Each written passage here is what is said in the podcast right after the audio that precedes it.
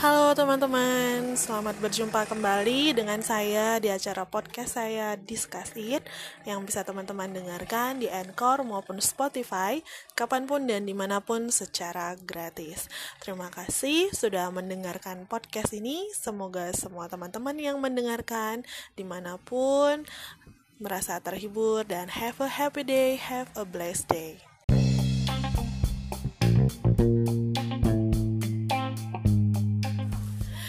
Hai semua, selamat berjumpa kembali di sesi podcast saya uh, edisi baca buku bareng bukunya Pak Andrea Hirata yang berjudul Ordinary People, orang-orang biasa.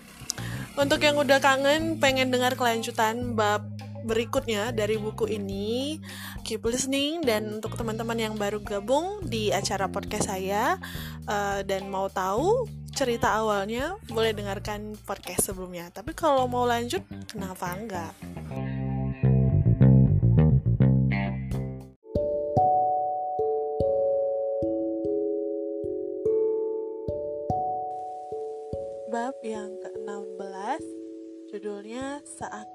Ada Hari Esok Dari yang seharian hanya termangu-mangu menunggu kios buku yang sepi dan yang sepanjang waktu menganggur berandai-andai saja Sekonyong-konyong, debut dan handai menjadi orang yang paling sibuk di dunia ini.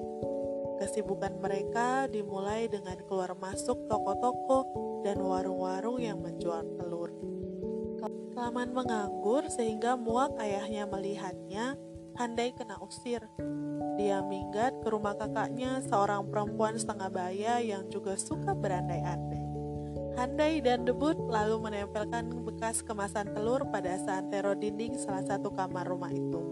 Tujuannya supaya kedap suara, mirip ruang sewa alat musik di kampung-kampung.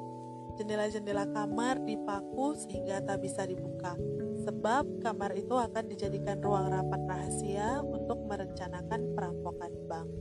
Ruang itu diterangi satu bohlam 10 watt, remang-remang.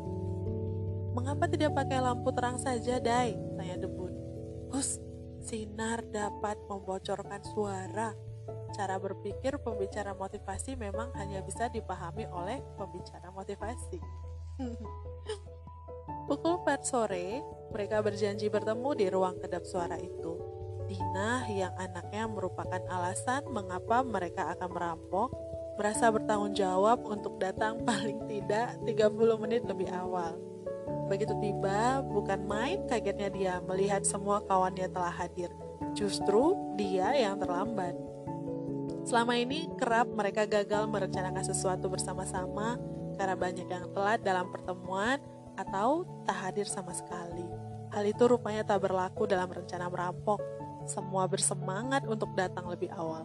Bahkan, Nihe Purnamasari yang selalu terlambat atas apa pun di dunia ini telah tiba sejak pukul 3 sore. Kiranya benar bahwa hari paling penting dan paling bahagia dalam hidup manusia adalah hari ketika dia tahu untuk alasan apa dia dilahirkan ke muka bumi ini. Wajah delapan pecundang itu menunjukkan kesan bahwa akhirnya mereka pun tahu alasan itu, yaitu mereka ada di dunia ini bukan untuk menjadi kacung-kacung kampret seperti adanya mereka sekarang, namun untuk menjadi perampok bank demi menemukan pencerahan baru terhadap diri mereka sendiri itu, mereka girang tak terbilang. Apa kau suka mancing, Dina? Tanya debut. Kau tahu sendiri, aku tak suka mancing, Bud. Bagus, berarti kau tak suka menunggu. Kami pun tak suka menunggu. Oh.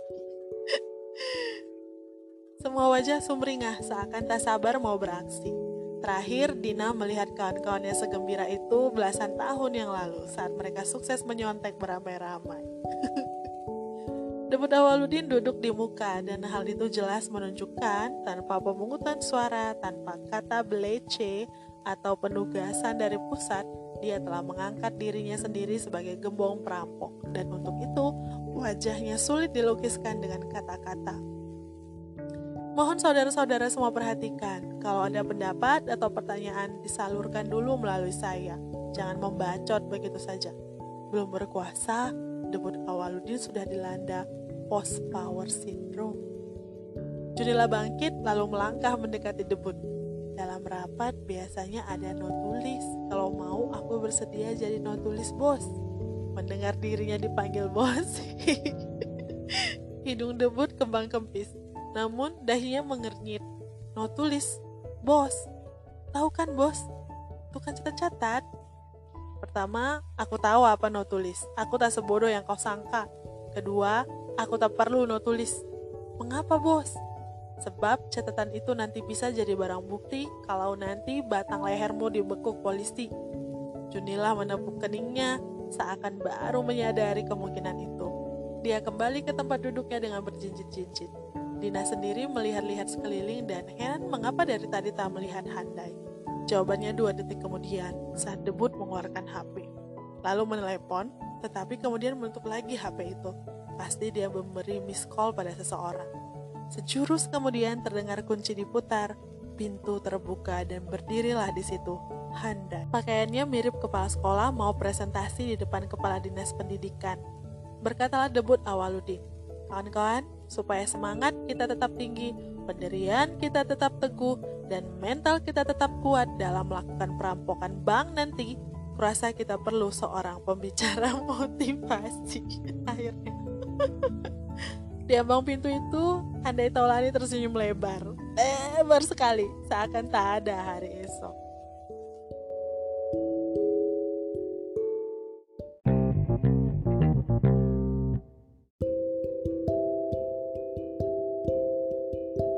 Demikian pandangan inspektur terhadap Dragonudin.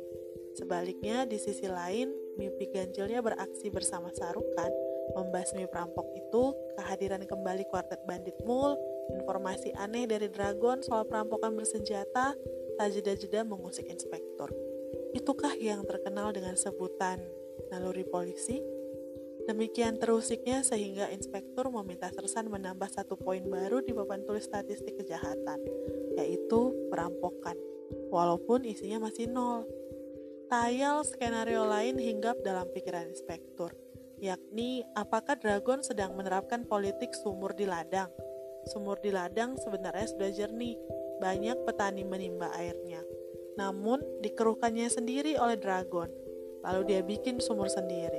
Petani pun beralih ke sumurnya dan jadilah dragon, pahlawan air kesiangan. Atau, jangan-jangan dragon dan sepupunya itu yang mau merampok. Dia membisiki inspektur dalam rangka mengalihkan perhatian polisi dari mereka. Kau pikir baru kemarin sore aku jadi polisi, Gon?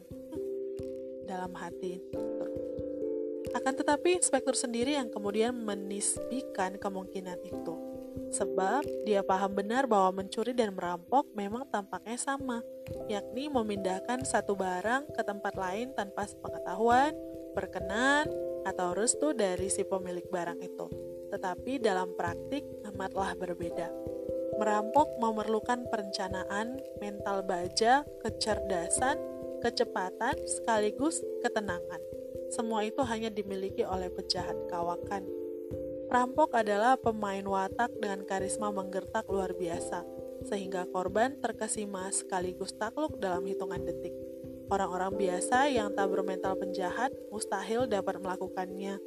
Bahkan maling-maling kambuhan yang berpengalaman macam Dragon dan sepupunya tak punya kualitas-kualitas semacam itu. Semua fakta itu kemudian berkembang menjadi dilema bagi inspektur.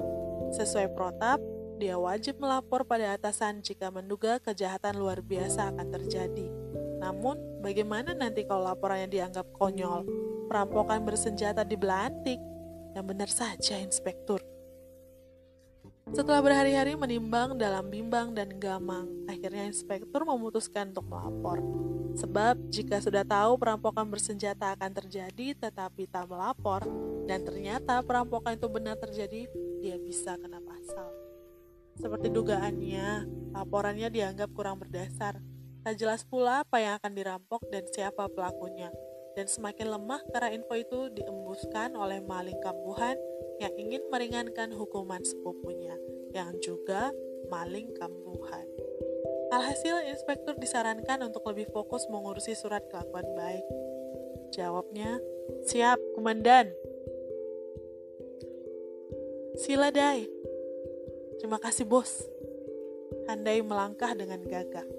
Bukan main senangnya dia karena akhirnya mimpi besarnya terwujud. Akhirnya dia bisa tampil sebagai pembicara motivasi, walaupun di depan kawan-kawannya sendiri dan di rumah kakaknya sendiri. Karena waktu terbatas, kita akan langsung yel-yel saja. Ayo semua berdiri, kata Handai. Semua berdiri. Ikuti kata-kataku. Aku pun biasa menjadi juara. Katakan ya, katakan ya. Semua berteriak mengikuti Handai. Ajaib, semangat mereka langsung melambung gara-gara yel-yel itu. Meski mereka tak tahu, katakan ya pada apa. Setelah berteriak berulang kali, semua bertepuk tangan. Meriah. Setiap kita Bab yang ke-17 judulnya Dilema Inspektur. Bukankah mereka yang berani mencuri takkan ragu untuk berdusta? Dengan rapat, Handai akan memberikan pandangan secara pembicara motivasi terhadap apa yang saya katakan dan apa yang kita rencanakan, kata Debut. Handai membetulkan dasi dayung sampannya sambil tersenyum dan menaik-naikkan alisnya. Tak pernah dia tampak sebahagia itu. Baiklah, ada yang tahu mengapa di dinding-dinding ruangan ini dipasangi bekas kemasan telur itu? Tanya Debun. Aku tahu bos, jawab Tohiren. Supaya suara kita tidak kedengaran di luar bos. Bagus Rin, mengapa suara kita tidak boleh kedengaran di luar? Aku tahu bos, sebab rahasia bos, sambung Tohiren lagi. Persis, rahasia. Itulah sebabnya. Kalian harus menyimpan rahasia perampokan ini rapat-rapat. Jangan memberitahu siapa pun, termasuk saudara, anak-anak, istri, tetangga, kawan, apalagi yang berwajib. Sekali lagi ku tegaskan, rahasia. Kalau tak mau nama kalian muncul di koran dalam bentuk inisial tiga huruf, jaga mulut masing-masing. Tok, tok, tok, tok, tok, tok. Tiba-tiba pintu diketuk dengan ritme yang aneh macam bunyi tokek, seakan suatu kode. Semua terkejut, saling pandang, lalu cemas. Jangan-jangan ada aparat sudah mengendus rencana perampokan ini dan mengepung dari berbagai penjuru. Gawat, jangan khawatir. Debut berjalan menuju pintu, lalu mutar kuncinya. Di ambang pintu, berdiri perempuan gendut yang berseri-seri sambil membawa baki berisi gelas-gelas kopi dan sepinggan singkong rebus. Orang itu kakak Handai, tersenyum lebar dari telinga ke telinga. Kakak masuk diikuti bocah lelaki gembil, coreng moreng, ingusan dan tak lepas memegang baju ibunya ke mana pun ibunya melangkah. Kakak senang melihat orang-orang yang telah dikenalnya. Ai, Rusip, kau rupanya. Lama tak jumpa, macam mana kabar Musip? Baik-baik saja, Kak. Masih kerja cleaning service? Masih, Kak. Mau ikut merampok, Bang ya? Iya, Kak. Hati-hati ya. Iya, Kak. Kakak juga gembira melihat Tohirin. Apa kabar Korin? Baik-baik, Kak. Kakak meletakkan segelas kopi di meja di depannya. Maaf, Kak. Aku tak minum kopi. Aku minum teh manis. Mana ada perampok minum teh manis, Rin? Yang minum teh manis itu guru honorer. minum kopi nih. Kopi pahit, kopi para perampok. Terima kasih, Kak. Lalu kakak melihat Honorun. Run, berapa anakmu sekarang? Enam kak. Honorun adalah guru honorer dan dia suka minum teh manis. Disodori kakak itu kopi. Dia tahu cakap. Kakak lalu pergi bersama anaknya yang tak lepas memegang baju ibunya. Pintu dikunci kembali. Aja, sampai di mana aku tadi? Tanya debut.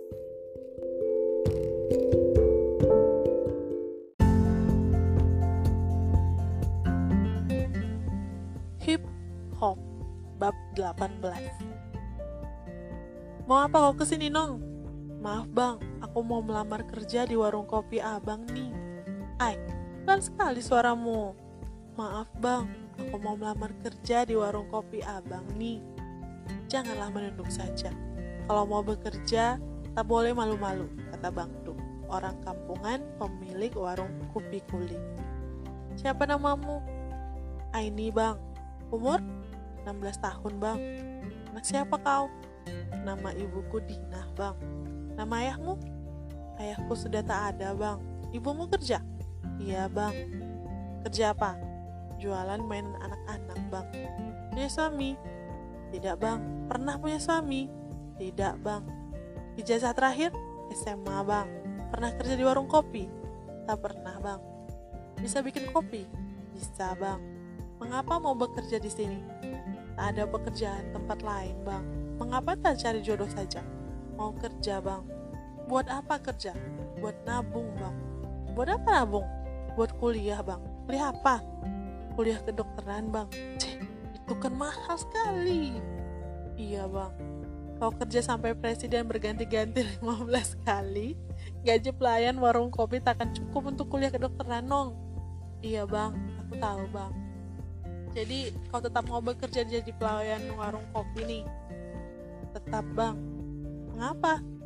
Agar bisa nabung bang, untuk kuliah kedokteran bang. Dalam pada itu, Dragonudin duduk sendiri di pojok sana, di warung kopi itu. Sedih dia, sehingga kopi susu dirasanya macam kopi pahit. Teringat dia kerap berkelakar dengan sepupunya di warung kopi itu. Seru bicara soal operasi-operasi mereka yang mendebarkan. Kasak kusuk merencanakan operasi-operasi gelap berikutnya.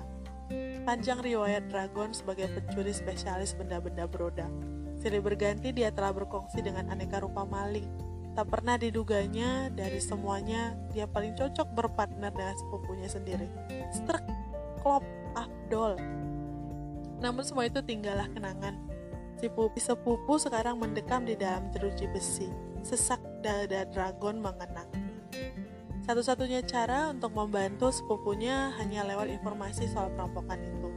Malang, orang yang membisikinya informasi itu sumbernya tak mau memberi informasi lebih lanjut soal siapa perampok dan apa yang akan dirampok. Kata orang itu, dia takut cilaka. Kini semuanya serba tak jelas, serba rahasia, serba takut.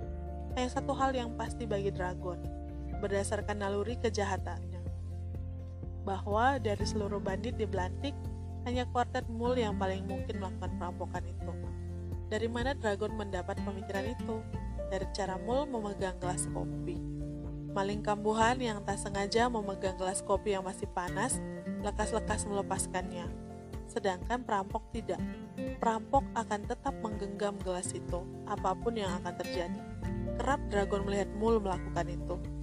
Maka, Dragon berniat mengorek informasi dari Mul. Masalah muncul, yaitu telah berminggu-minggu tak tampak batang hidung kuartet Mul itu. Bertanya-tanya Dragon sana-sini, simpang siur kabarnya. Beruntung, sore ini Dragon girang bukan buatan melihat kuartet di warung kopi kuli. Lekas dia ke sana, Melalui satu gerakan menikung yang mengesankan, dia menyelinap ke gang di samping warung demi satu aksi lain yang tak kalah mengesankan, yakni mengaktifkan perekam suara di HP. Tak lama kemudian, Dragon yang memang sudah kenal dengan Mul ngobrol barat timur utara selatan. Mul berkisah tentang petualangannya bersama SLM, AMT, dan TPK waktu merantau tempo hari. Bukan main jagoannya masing-masing tanpa disadarinya, grafik rekaman suara meloncat-loncat genit di HP Dragon.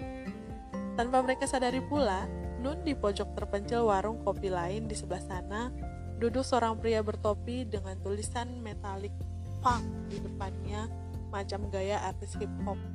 Kacamatanya gaya anak muda, beli satu gratis satu di kaki lima pasar impres Tanjung Lantai. Sepatu dan celananya berwarna kuning. Bajunya training kuning juga, tadi kancing dengan tiga strip putih sepanjang lengan. Kerahnya didirikan menutupi tengkuk dan leher, jelas untuk tujuan menyaru. Seorang pria lain berpakaian serupa duduk di pojok sebelah situ. Berkali-kali pria ini selfie dengan HP-nya, namun sesungguhnya dia memfoto kuartet mul dan siapa saja di sekitar mereka. Setelah melakukan salam tinggi lima jari dengan orang-orang di sekitarnya, kuartet mul berlalu. Pria hip hop tadi langsung berdiri menghampiri pria hip hop satunya. Bagaimana Sersan? Dapat fotonya? Padahal inspektur dan Sersan. Siap, dapat komandan. Sip. Kantor polisi, inspektur mengamati foto-foto yang diambil Sersan. Terpana dia melihat dragon dalam foto itu dan lebih terpana lagi melihat seseorang yang duduk di belakang mul. Kejadiannya sudah lama, namun inspektur masih ingat orang itu. Dia suka bercokol di dermaga, orangnya kalem, bersih, dan tampak cerdas. namun dia adalah penjahat kelas berat. Dulu orang itu pernah terlibat kasus penyelundupan senjata api. Dia lolos dari jaring hukum karena kurang bukti. Konon, senjata-senjata api itu dibuangnya ke laut. Tercenung inspektur. Satu demi satu, gejala perampokan bersenjata itu mulai menampakkan diri. Dan semakin dia yakin akan instingnya, sekonyong-konyong dragon datang ke kantor polisi. Sudah kusadap mul dan dengarlah bicaranya. Aku yakin pasti kelompok mul yang akan merampok nanti. Inspektur ragu, dipandanginya sersan, lalu mereka memandang dragon. Baiklah, pindahkan rekaman itu ke HP-ku, pakai bluetooth, kata sersan. Dragon senang, lalu pamit. Perlu ku transkrip rekaman suara ini dan tanya Sersan sambil menunjuk mesin tik terkecil di dunia itu. Nanti dulu Sersan, kita dengar dulu rekaman itu. Mereka pun mendengarkan rekaman itu. Terdengar suara Dragon menanyakan kabar Mul dan sebaliknya. Lalu suara Mul membual soal petualangannya merantau di kota-kota besar. Dragon tak mau kalah, dia juga membual soal pengalamannya di kota-kota besar. Padahal inspektur tahu dia tak pernah ke mana-mana. Seumur hidupnya tak pernah dia meninggalkan Belantik. Selanjutnya, ada suara dragon bicara sendiri, menggerendeng-gerendeng macam orang merapal jampi. Tak ada suara mul sama sekali. Terakhir terdengar bunyi-bunyi kegiatan dragon di WC. Bunyi-bunyi yang tak pantas itu. Bunyi-bunyi yang tak pantas ditulis dalam buku yang akan dibaca anak-anak. Maling sepeda tetangga SD itu lupa bahwa HP-nya terus merekam. Untung tadi rekaman ini tak langsung kau transkrip sesan. Siap untung dan esoknya di pasar tergopoh dragon menghampiri inspektur dan sersan. Dan dan bagaimana dan? Sudah dengarkan rekamanku? Mantap kan? Apa kataku dan? Pasti mul perampok itu. Inspektur menggeleng-geleng. Kau dengarlah sendiri rekaman itu, Gon. Tak ada yang bernilai untuk investigasi Tersan memutar rekaman itu, terdengarlah suara orang menggerendeng-gerendeng tak jelas. Dragon mengaduk-aduk rambutnya, lalu mengakui bahwa waktu merekam itu, dia memang sedikit berada dalam pengaruh minuman keras.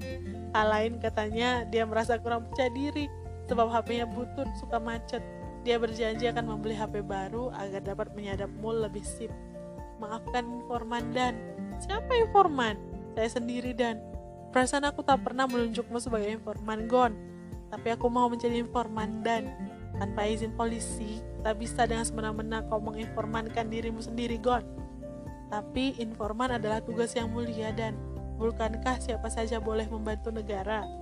Cara berpikir informan memang hanya bisa dipahami oleh informan.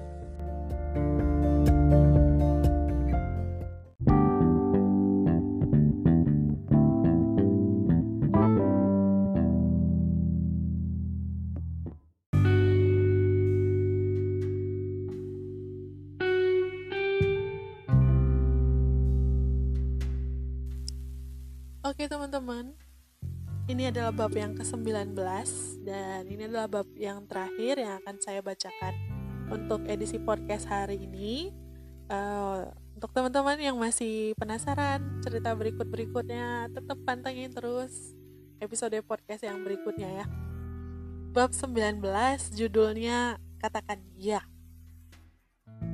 Maaf Dan, tadi aku bertemu dua orang yang mau bicara dengan komandan kata Sersan. Bicara apa, Sersan? Siap, Dan. Mereka tak bilang, Dan. Inspektur diam saja. Adapun delapan sekawan itu rapat lagi, dan ada hal baru dalam ruang kedap suara itu, yaitu televisi kecil 14 inci yang terhubung ke pemutar DVD. Seperti biasa, sebelum rapat mereka meneriakkan yel-yel yang sudah dibagi handai menjadi dua versi. Versi lengkap dan versi tidak lengkap. Versi tidak lengkap tanpa yel, katakan ya dalam rapat kali ini, debut bilang bahwa merampok ternyata perlu modal besar. Pengeluaran terbesar adalah untuk membeli senjata api. Usah risau, aku sudah tahu di mana mendapatkan senjata-senjata itu. Senjata api? Senjata api katamu, Bud? Tinggi suara honorer. Sebelumnya kau tak pernah bicara soal senjata api. Aku keberatan, aku tak mau berurusan dengan senjata. Aku juga tak mau, kata Rusif. Aku mau, kata Nihei, sambil memandang Rusif. Atasannya di CV Lino seakan memandang seorang pengecut. Aku juga mau sama Junila. Aku juga, Handai memihak Nihe dan Junila. Aku tidak mau, kata Dina. Aku juga, sambut Tohir. Maksud murid, kau tidak mau pakai senjata atau kau tidak mau juga pakai senjata? Tanya Rusif. Oi, oi, oi, bentak debut. Tutup mulut kalian orang udik. Kalian pikir kita mau melakukan kunjungan rumah Ramatama ke bank itu? Tidak. Kita ke sana mau berbuat jahat, sejahat-jahatnya yang dapat dilakukan oleh umat manusia yaitu merampas duit orang pada siang bolong. Apa kalian kira satpam di sana akan membukakan kita pintu? Lalu berkata, silakan masuk pak, bu, om. Silakan kami dirampok pada hari yang cerah ini. Atau maaf pak, bu, om. Saya cap dulu tangannya, biar nanti kalau mau kembali untuk merampok kami tak perlu membeli tiket lain. Tidak, itu tidak akan terjadi. Yang akan terjadi adalah mereka akan melawan.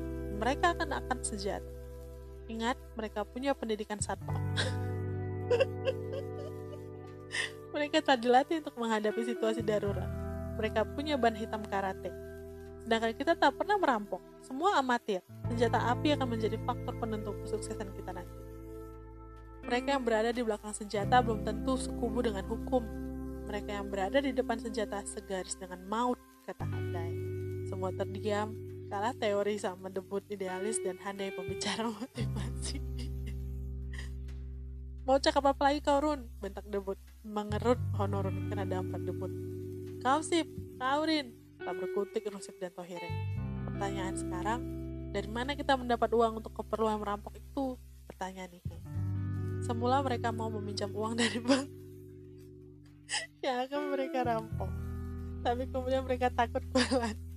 Akhirnya diputuskan dengan jaminan BPKB motor dan surat tanah honor mereka sepakat untuk meminjam uang di koperasi simpan pinjam lancar sejahtera.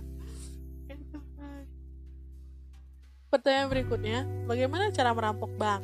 Yang bertanya itu debut sendiri, tak ada yang bisa menjawab. Usah risau, aku sudah tahu caranya. Debut menjawab pertanyaan sendiri. Diambilnya plastik resek di bawah meja, dicurahkannya isinya ke atas meja, berhamburan di piring. Sudah kutemukan cara merampok di film-film ini.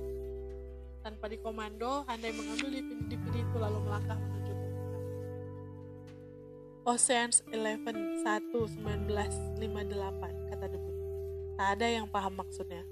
Lekas Handai memasukkan DVD film itu ke pemutar repot dia memencet-mencet remote mau forward film itu sampai jam ke 1 menit ke 19 detik ke 58 pencet play lalu tampak di layar TV seorang di dalam lift seperti mau menyelinap ke tempat yang mau dirampok selanjutnya semua terpana melihat kolaborasi debut dan Handai debut menyebut nama film dan angka-angka dengan cepat Handai menemukan lokasi adegan-adegan perampokan di film itu pasti mereka telah latihan sebelumnya Begitu banyak DVD itu, namun debut hafal angka-angka itu hingga detiknya.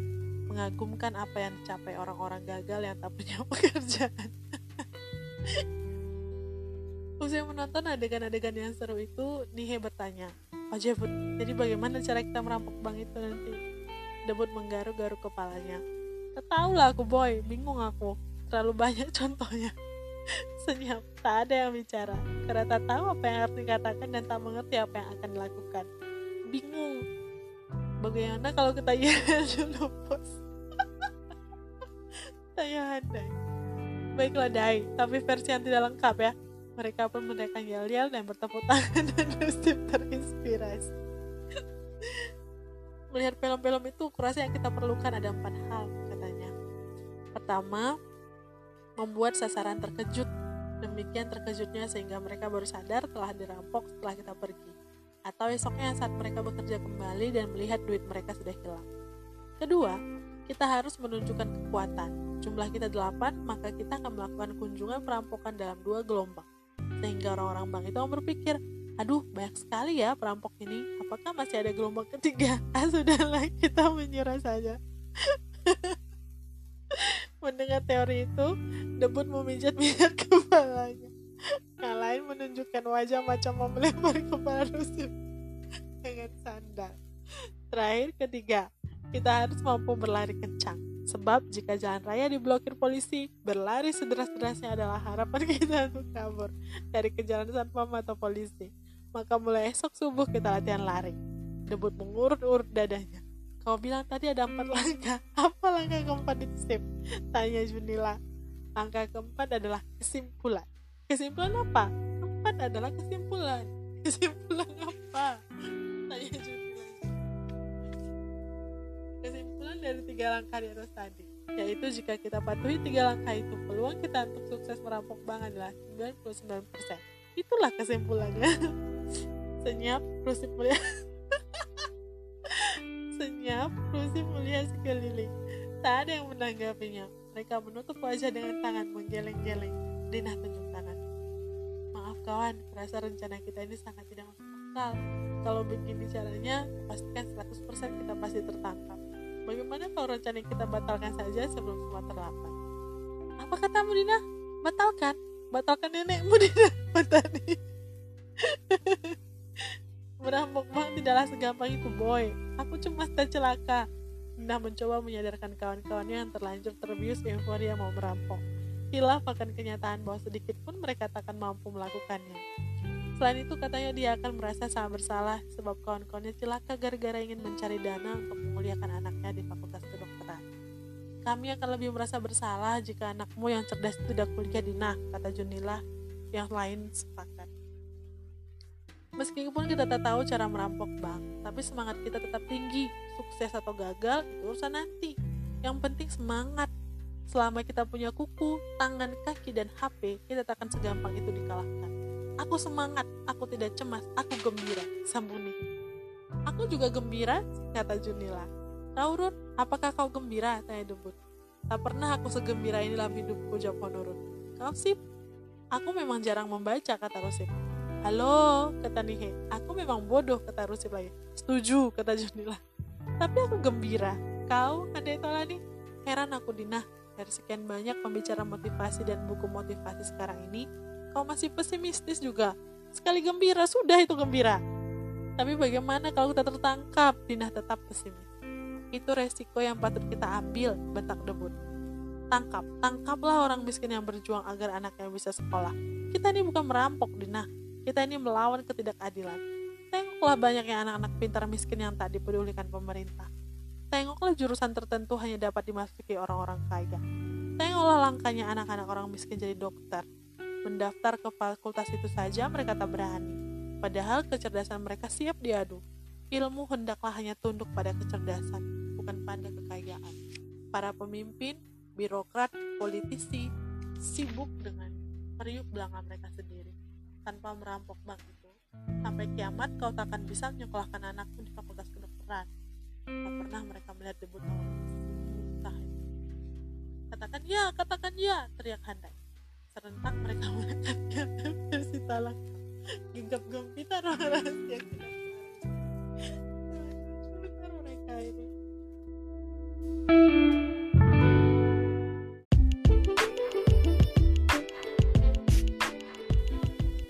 itu tadi dia empat bab lanjutan dari bukunya Pak Andrea Hirata yang berjudul Ordinary People, orang-orang biasa benar-benar lucu, kocak, tapi dipenuhi dengan makna-makna yang realistis yang kita hadapi di kehidupan kita sehari-hari.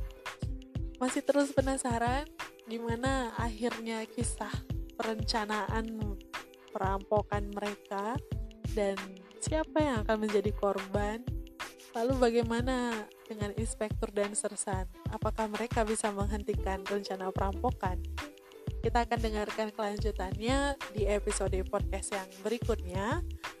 Maka dari itu, tetap stay tune dan untuk teman-teman yang punya masukan, send me your voice note and I will really grateful to receive it. Dan sampai jumpa di episode podcast yang berikutnya. Stay safe, stay healthy, friends. Bye bye.